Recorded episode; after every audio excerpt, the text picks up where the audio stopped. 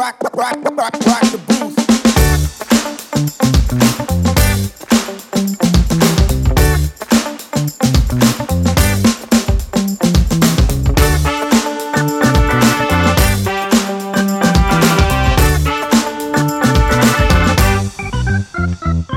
Halo semuanya, jumpa lagi bersama aku Ayumi di DDTC Potex, Making Tax Fun for Everyone. Kali ini Ayumi akan mengobrol dengan Bapak Iwan Suryana. Beliau merupakan Direktur Pelayanan Fasilitas Berusaha Kementerian Investasi atau BKPM. Penasaran kan Ayumi akan mengobrol apa dengan Pak Iwan? Langsung saja yuk kita sambungkan. Halo Pak Iwan, selamat Ya. datang Pak, selamat bergabung di DDTC Potex. Apa kabar Pak Iwan? Ya, Bu Ayuni, alhamdulillah kabar baik, Bu sehat. Oke, baik Pak. Semoga dalam keadaan sehat dan semangat selalu ya Pak ya, karena kita juga hari Ya. ini akan berdiskusi eh, mengenai topik yang eh, sangat menarik juga pastinya, yaitu adalah eh, fasilitas pajak eh, untuk eh, meningkatkan realisasi investasi. Nah, ini kalau eh, kita eh, berbicara tentang investasi, ini kan juga tidak terlepas dari kondisi saat ini begitu ya Pak ya, Betul. bahwa pandemi COVID-19 ini kan eh, juga berimbas pada berbagai hal. Ini salah satunya adalah eh, laju realisasi investasi nih ke Indonesia. Nah, pada eh, tahun ini eh, fase pemulihan ekonomi bisa dibilang seperti itu, pemerintah kan juga telah menegaskan nih akan terus berupaya meningkatkan investasi eh, yang masuk ke dalam negeri eh, supaya juga untuk menyelamatkan perekonomian dan juga eh, supaya terjadi berbagai multiplier effect begitu ya Pak Iwan. Nah, berbagai langkah eh, telah diambil nih oleh pemerintah mulai dari deregulasi kita tahu sendiri ada undang-undang cipta kerja dan juga eh, berbagai insentif fiskal ini tak terkecuali juga di bidang pajak nih. Nah, sebelumnya kita eh, akan membahas dulu mengenai kondisi perekonomian ya Pak ya. Menurut Bapak sendiri bagaimana nih Pak kondisi perekonomian saat ini dan juga apakah pemberian fasilitas itu diperlukan bagi investor di Indonesia? Ya, terima kasih Bu Ayumi. Eh, kalau kita bicara eh, perekonomian di Indonesia sekarang ini tentunya tidak terlepas juga eh, dari kondisi perekonomian di dunia pada umumnya ya Bu ya. Apalagi di tengah ada wabah eh, corona ini sejak tahun 2020 awal ya. Ini tentunya eh, sedikit banyak mengganggu eh, perekonomian dunia khususnya juga di Indonesia ini karena banyak investor-investor ataupun pengusaha yang mereschedule lagi eh, rencana-rencana investasinya gitu. Tapi secara umum bahwa dapat kami sampaikan eh, investasi yang masuk itu eh, tetap banyak Bu ke, ke Indonesia khususnya ya. Eh, ini menandakan bahwa ada gangguan tetapi eh, semangat orang untuk berinvestasi di Indonesia ini masih masih baik Bu. Tentunya momentum ini harus kita jaga artinya eh, betul-betul kita eh, melakukan eh, pelayanan, melakukan terobosan-terobosan di dalam eh, kondisi seperti sekarang ini kita memang harus banyak-banyak eh, apa namanya mencari jalan gitu ya supaya eh, investor masih tetap tertarik eh, berinvestasi di Indonesia. Karena Betul. seperti kita ketahui ini kan eh, sekarang ini bisa dikatakan investasi menjadi salah satu eh, yang bisa diandalkan lah gitu oleh pemerintah untuk menarik eh, apa namanya men- meningkatkan eh, perekonomian gitu Bu. Karena dengan adanya investasi tentunya kan maka efek dominonya akan tercipta lapangan kerja, akan eh, membuat eh, sumber-sumber daya alam bisa dieksplor untuk eh, sebanyak-banyaknya kemakmuran bagi masyarakat. Saya, ra- saya rasa itu Bu, dengan kondisi sekarang eh, minat orang berinvestasi di Indonesia tetap masih tinggi gitu. Oke. Baik, Pak. Jadi dari kondisi tersebut gitu ya, sebenarnya eh, sebenarnya ada minat dan juga secara umum juga masih banyak nih realisasi investasi yang masuk ke Indonesia Iya. gitu. Nah, eh, kalau untuk pe- pemberian fasilitas sendiri, Pak, mengapa dibutuhkan nih? Eh, tentunya fasilitas ini merupakan eh, vitamin lah yang bisa dibilang bagi perusahaan atau pelaku usaha yang akan berinvestasi di Indonesia. Karena uh, fasilitas ini adalah salah satu bentuk stimulus untuk merangsang uh, para investor untuk uh, apa bisa tertarik berinvestasi di Indonesia. Karena seperti yang kita ketahui sebenarnya semua negara ini kan sekarang sedang berlomba nih Bu menarik investasi. Betul. Dan semua negara di dunia ini berlomba-lomba juga menawarkan kemudahan-kemudahan, menawarkan insentif-insentif apa yang bisa diberikan kepada mereka gitu. Nah, kalau kita juga eh, negara kita tidak melakukan hal yang sama, tentunya kita akan IUDB kita juga akan uh, kalah terus dibanding negara-negara lain. Nah untuk itu uh, pemberian fasilitas ini sangatlah diperlukan bagi para investor karena uh, ya. dengan fasilitas mereka bisa menekan kosnya bu. Jadi artinya kalau fasilitas ini diberikan ya baik itu pembebasan biaya masuk maupun itu tax holiday maupun tax allowance ini tentunya akan menurunkan um, kos mereka sehingga uh, investasi mereka menjadi lebih efisien. Saya rasa itu Bu. Oke. Baik Pak, tadi uh, Pak Iwan juga sudah uh, memberitahukan ya beberapa jenis in, uh, fasilitas fiskal yang ditawarkan oleh pemerintah seperti uh, mengenai bea uh, cukai atau bea masuk lalu ada juga uh, tax holiday, tax allowance gitu ya. Apa lagi Pak fasilitas penanaman modal yang diberikan nih oleh Kementerian Investasi atau BKPM?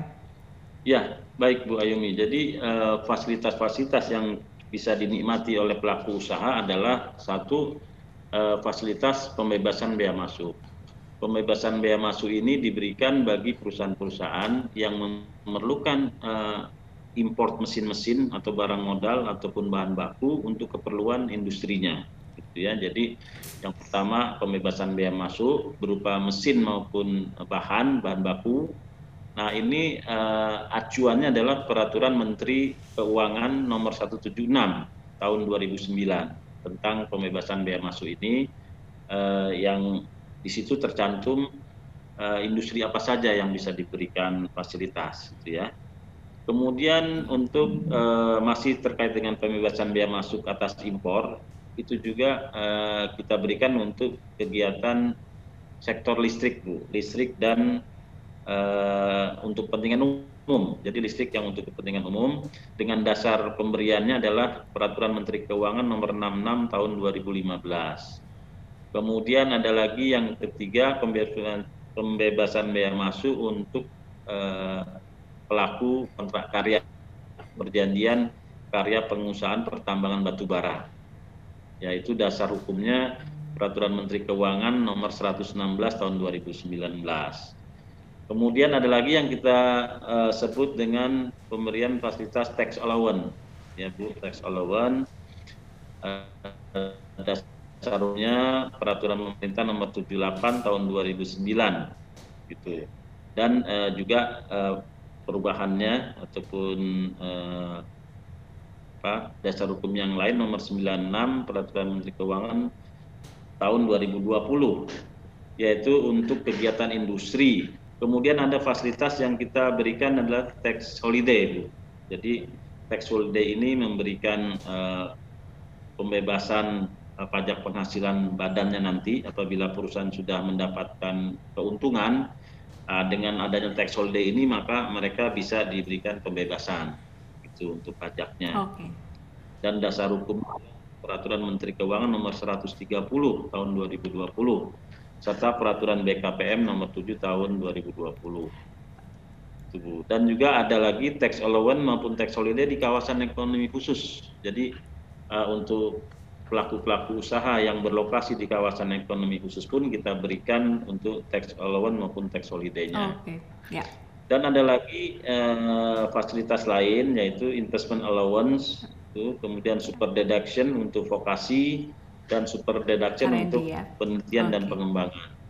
Nah, jadi itulah fasilitas-fasilitas yang bisa dinikmati oleh pelaku, para pelaku usaha yang akan berinvestasi di Indonesia. Oke, okay, baik Pak. Nah ini menu fasilitas atau menu insentifnya banyak sekali sepertinya ya Pak ya. Nah tadi eh, coba kita eh, mengerucut ke salah satu insentifnya Pak yaitu eh, tax holiday. Nah gimana nih pemahaman Pak Iwan terkait dengan insentif tax holiday yang dapat eh, diberikan oleh investor? Sebenarnya apa saja Pak yang dapat eh, investor eh, dapatkan dan juga apa sih Pak persyaratan bagi investor nih untuk bisa mendapatkan fasilitas tersebut? Ya Bu, uh, untuk tax holiday, uh, sebagaimana tadi sudah saya sampaikan, tentunya uh, di dalam pemberiannya kami uh, harus ada persyaratan-persyaratan yang harus dipenuhi oleh para uh, pelaku usaha. Karena uh, fasilitas tax holiday ini merupakan uh, satu fasilitas yang memang uh, kami berikan kepada investasi-investasi yang besar Bu. Artinya yang investasi yang dimulai dari 100, 100 miliar, miliar rupiah. Eh 100 ya. miliar ya, 100 miliar rupiah. Uh, dan juga uh, kegiatan tax holiday ini kami berikan untuk kegiatan-kegiatan yang sifatnya industri pionir, Bu. industri pionir. Jadi industri yang memang dia uh, merupakan uh, industri strategis juga ya, artinya yang betul-betul sebagai uh, pelaku usaha yang uh, ya sebagai inilah industri yang belum banyak orang uh, berinvestasi di bidang itu gitu maksudnya. Nah kemudian dari sisi uh, pemberian tax holiday-nya sendiri kita bagi uh, jangka waktunya ini berdasarkan investasinya Bu. Jadi kalau investasinya 100 miliar sampai dengan 500 miliar itu kami berikan pembebasan tax holiday selama lima tahun. Jadi selama lima tahun kalau dia sudah melakukan produksi dan produksinya itu menghasilkan keuntungan, kita tidak kenakan untuk pajak penghasilan selama lima tahun gitu. Jadi kan ini sangat eh, sangat menguntungkan bagi perusahaan gitu ya. Kemudian untuk eh, investasi 500 miliar sampai eh, satu triliun kita berikan juga eh, lima tahun tetapi full gitu. Kalau yang tadi eh, kita berikan 50 50 persennya antara 100 sampai 500 eh, miliar. Hmm. Tapi kalau yang di atas 500 miliar sampai 1 triliun itu full kita berikan 100% dari pembebasan biaya masuknya dari eh, penghasilan yang mereka terima. Kemudian investasi 1 triliun sampai 5 triliun itu kita kasih waktu pembebasan eh, pajak penghasilannya itu eh, 7 tahun. Gitu. Kemudian eh, yang berinvestasi dari 5 triliun sampai 15 triliun itu eh, pembebasan biaya pajak penghasilannya kita berikan eh, 10 tahun. Eh, kemudian untuk investasi 15 triliun sampai 30 triliun kita berikan eh, masa pembebasannya 15 tahun. Dan di atas 30 triliun eh, kita berikan eh, 20 tahun. Nah, kami harapkan dengan adanya eh, fasilitas take holiday ini yang begitu uh, menjanjikan apa namanya uh, nilai tambah bagi perusahaan kami harapkan banyak lagi investor-investor terutama yang besar ya Bu ya yang berdampak kepada tenaga kerja yang berdampak kepada ekonomi masyarakat sekitar yang berdampak kepada lingkungan. Ini kami harapkan bisa lebih banyak yang datang ke kita Bu. Demikian Bu Ayumi Oke baik Pak ini kan uh, berarti sebenarnya rentang waktunya juga cukup panjang dan juga uh, manfaat yang diberikan oleh investornya juga besar sekali ya uh, pembebasan fasilitas uh, pajak penghasilan. Nah, uh, menarik Pak. Eh, kalau dari respons uh, pelaku usaha sendiri gimana Pak uh, menanggapi fasilitas tax holiday tersebut gitu? Bagaimana uh, hingga saat ini pelaksanaannya Pak? Ya, dari berdasarkan catatan yang uh, masuk ke kami sudah cukup banyak Bu, kita kurang lebih 90-an lebih ya yang sudah uh, mendapatkan fasilitas uh, tax holiday maupun tax allowance ini. Sehingga uh, dengan adanya ini tentunya banyak investasi-investasi besar yang uh, berlomba-lomba untuk uh, mengajukan permohonan tax holiday ini Bu. Artinya kami sampai saat ini sudah banyak kami menerima permohonan untuk ya. perusahaan-perusahaan ini uh, mengajukan tax holiday dan saat ini sudah ada juga yang uh, kami uh, selesaikan dan juga masih dalam proses. Iya siap Pak. Jadi melalui ajang Potex ini juga ini ya Pak ya sekaligus sosialisasi juga nih ya. Nih mungkin ada dari direksi perusahaan yang mendengarkan juga begitu ya Pak Iwan ya uh, untuk ya, bisa ya. juga uh, mengapply nih uh, berbagai fasilitas yang diberikan oleh pemerintah ini. Oke Pak, baik. Ya. Nah ini terkait dengan tadi pelaksanaan uh, berbagai fasilitas pajak ya, uh, termasuk tadi tax holiday, tax allowance. Ini kan uh, mulai akhir 2018 ya Pak. Kalau tidak salah ini kan proses bisnisnya beberapa fasilitas pajak ini diintegrasikan ke dalam sistem uh, online single submission atau OSS. Nah, bagaimana implementasinya Pak hingga uh, saat ini? Ya, uh, tentunya untuk uh, kami kan memang uh, dalam melayani para investor ini kita mencari terobosan-terobosan untuk memudahkan gitu ya Bu ya. Kalau di masa yang lalu orang harus membawa-bawa berkas ke BKPM dengan yang tebel-tebel itu membawa dokumen secara manual. Nah tentunya ini kita melihat kan kurang efisien ya. Nah untuk itu betul yang Ibu sampaikan sejak tahun 2018 kita sudah memulai dengan online single submission. Jadi eh, semuanya sekarang pengajuan izin di BKPM itu sudah melalui online. Jadi sudah tidak ada lagi kita eh, pertemuan tatap muka maupun eh, ini apa para pelaku usaha membawa dokumen-dokumen tebal untuk dibawa ke BKPM, tetapi mereka sudah bisa mengajukan permohonan melalui eh, kantor ataupun lewat rumah ataupun di kafe ataupun di mall. Sepanjang itu ada akses eh, internetnya ataupun wifi-nya mereka bisa mengajukan permohonan eh, di mana saja. Karena permohonan ini sudah kita berikan dalam bentuk online gitu ya. Jadi sudah lebih memudahkan lah untuk para pelaku usaha jadi nggak perlu datang ke BKPM uh, langsung saja pengajuan diajukan lewat uh, OSS ya online. Nanti uh, kalau permohonan itu sudah masuk tentunya kami akan uh, cek apakah sudah memenuhi syarat atau belum. Kalau belum nanti pun kami informasikannya juga melalui online gitu jadi uh, tektokannya itu juga kita melalui online. Oke, baik Pak. Berarti ini inovasi yang uh, sangat uh, ini ya Pak ya modern dan juga harapannya juga bisa meningkatkan uh, ranking Indonesia uh, untuk ease of doing business begitu ya uh, Pak Iwan. Baik. Nah, ini coba kita uh, sekarang mengarah kepada uh, salah satu insentif lain nih mengenai kawasan ekonomi khusus karena kan sekarang pemerintah juga sedang gencar begitu ya Pak ya untuk membangun berbagai uh, eh, KEK e baik di sektor pariwisata maupun sektor industri begitu. Nah, apa aja nih Pak fasilitas pajakan untuk investor yang uh, melakukan penanaman modal di KEK e ini? Bisa dijelaskan lebih lanjut Pak? Ya, uh, Bu Ayumi tadi sudah kami sampaikan bahwa Eh, kita sekarang ini kan harus mencari eh, terobosan-terobosan, mencari alternatif maupun lokasi-lokasi ini, uh, apalagi nih kira-kira yang bisa diberikan oleh pemerintah. Nah, tentunya kita sudah banyak membuat kawasan-kawasan industri maupun kawasan-kawasan ekonomi dan ada yang terbaru ini adalah kawasan ekonomi khusus gitu ya. Kalau dilihat dari namanya kan khusus ini kan tentunya akan berbeda ini pemberian macam-macam fasilitasnya.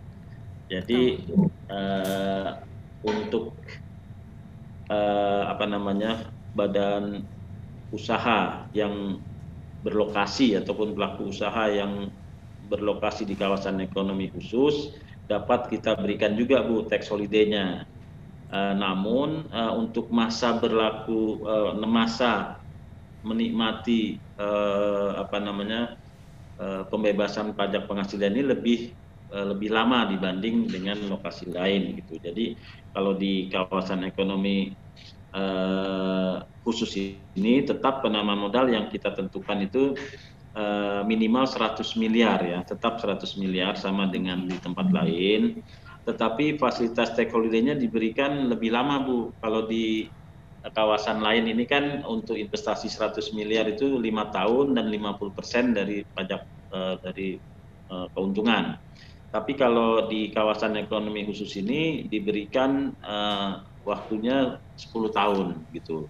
dengan investasi 100 miliar dia diberikan waktu 10 tahun.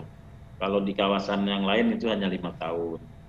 Kemudian uh, untuk pelaku usaha di kawasan ekonomi khusus gitu yang melakukan kegiatan utama artinya uh, khusus di kawasan ekonomi khusus ini uh, berbeda ininya Bu, berbeda dasar hukumnya. Jadi untuk pemberian tax holiday maupun tax allowance ini di KEK ini uh, berbeda apa namanya dasar hukumnya dan juga acuannya itu uh, berbeda dengan uh, di kawasan-kawasan yang bukan KEK gitu ya.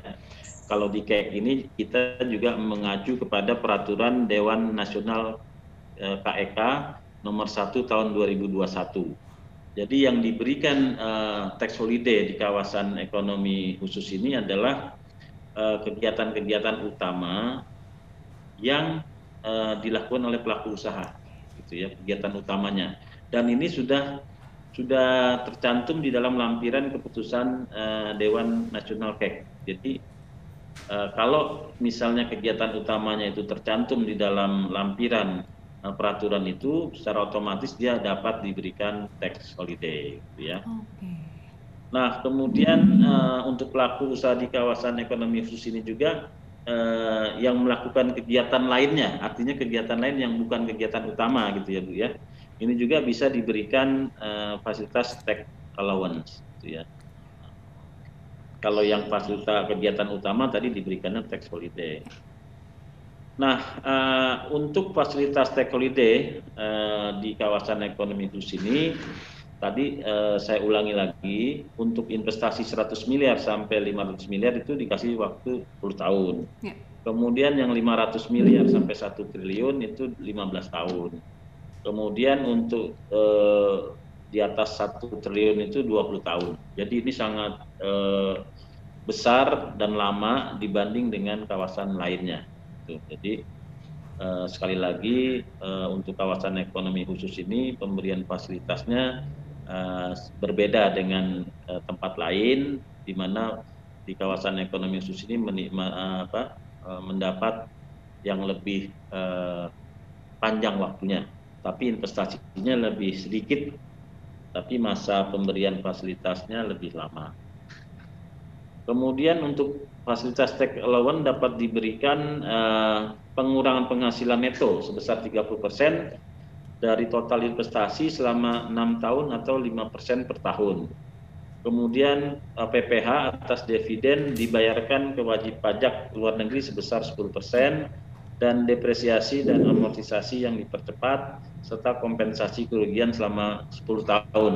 Jadi uh, di kawasan ekonomi khusus ini uh, fasilitas-fasilitas ataupun uh, kemudahan-kemudahan yang bisa dinikmati oleh pelaku usaha sangat uh, masif dan sangat uh, besar gitu dan lebih lama pemberiannya dibanding kawasan-kawasan lain. Demikian Bu Ayumi.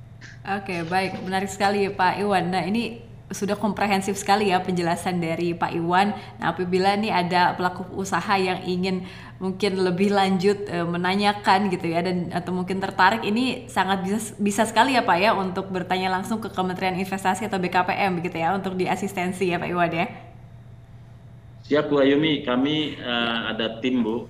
Ya. Tentunya ada tim fasilitas yang uh, setiap saat bisa uh, apa memberikan penjelasan-penjelasan, memberikan informasi-informasi bagi para pelaku usaha yang membutuhkan informasi mengenai uh, fasilitas ini. Ya. Oke. Okay. Ya, baik uh, Pak Iwan. Uh, terima kasih banyak Pak Iwan. Ini tidak terasa nih waktunya sudah 20 menit lebih ini berlalu. Uh, penjelasannya sangat uh, komprehensif dan uh, sangat lengkap sekali nih Pak Iwan. Semoga juga ini para pelaku usaha dan juga mungkin berbagai stakeholders lainnya ya uh, bisa lebih uh, mengetahui uh, mengenai berbagai menu fasilitas yang ditawarkan oleh pemerintah dan juga harapannya akan mendongkrak uh, nilai realisasi investasi begitu ya Pak Iwan ya. Ya, terima kasih sekali lagi ya. Pak Iwan atas waktunya, Pak. Sama-sama Bu Ayumi. Nah, gimana nih teman-teman? Semoga diskusi tadi dapat menambah pengetahuan dan juga insight mengenai berbagai fasilitas pajak untuk investasi. Nah, ikuti juga kuis yang ada di episode kali ini dengan cara klik link yang ada di deskripsi bawah dan juga jangan lupa untuk subscribe channel DDTC serta berikan komentar terbaik kalian nih di episode kalian kali ini. Nah, untuk mengetahui informasi teraktual seputar perpajakan, kalian bisa langsung kunjungi DDTC News, sosial media DDTC, serta salah satu terobosan baru dari DDTC yaitu perpajakan.id, sebuah aplikasi pencari dokumen dan pusat pengetahuan perpajakan berbasis web yang sangat mudah diakses. Patuhi terus ya protokol kesehatan seperti rajin cuci tangan, tetap jaga jarak, dan gunakan masker yang aman. Ayumi pamit. Ciao!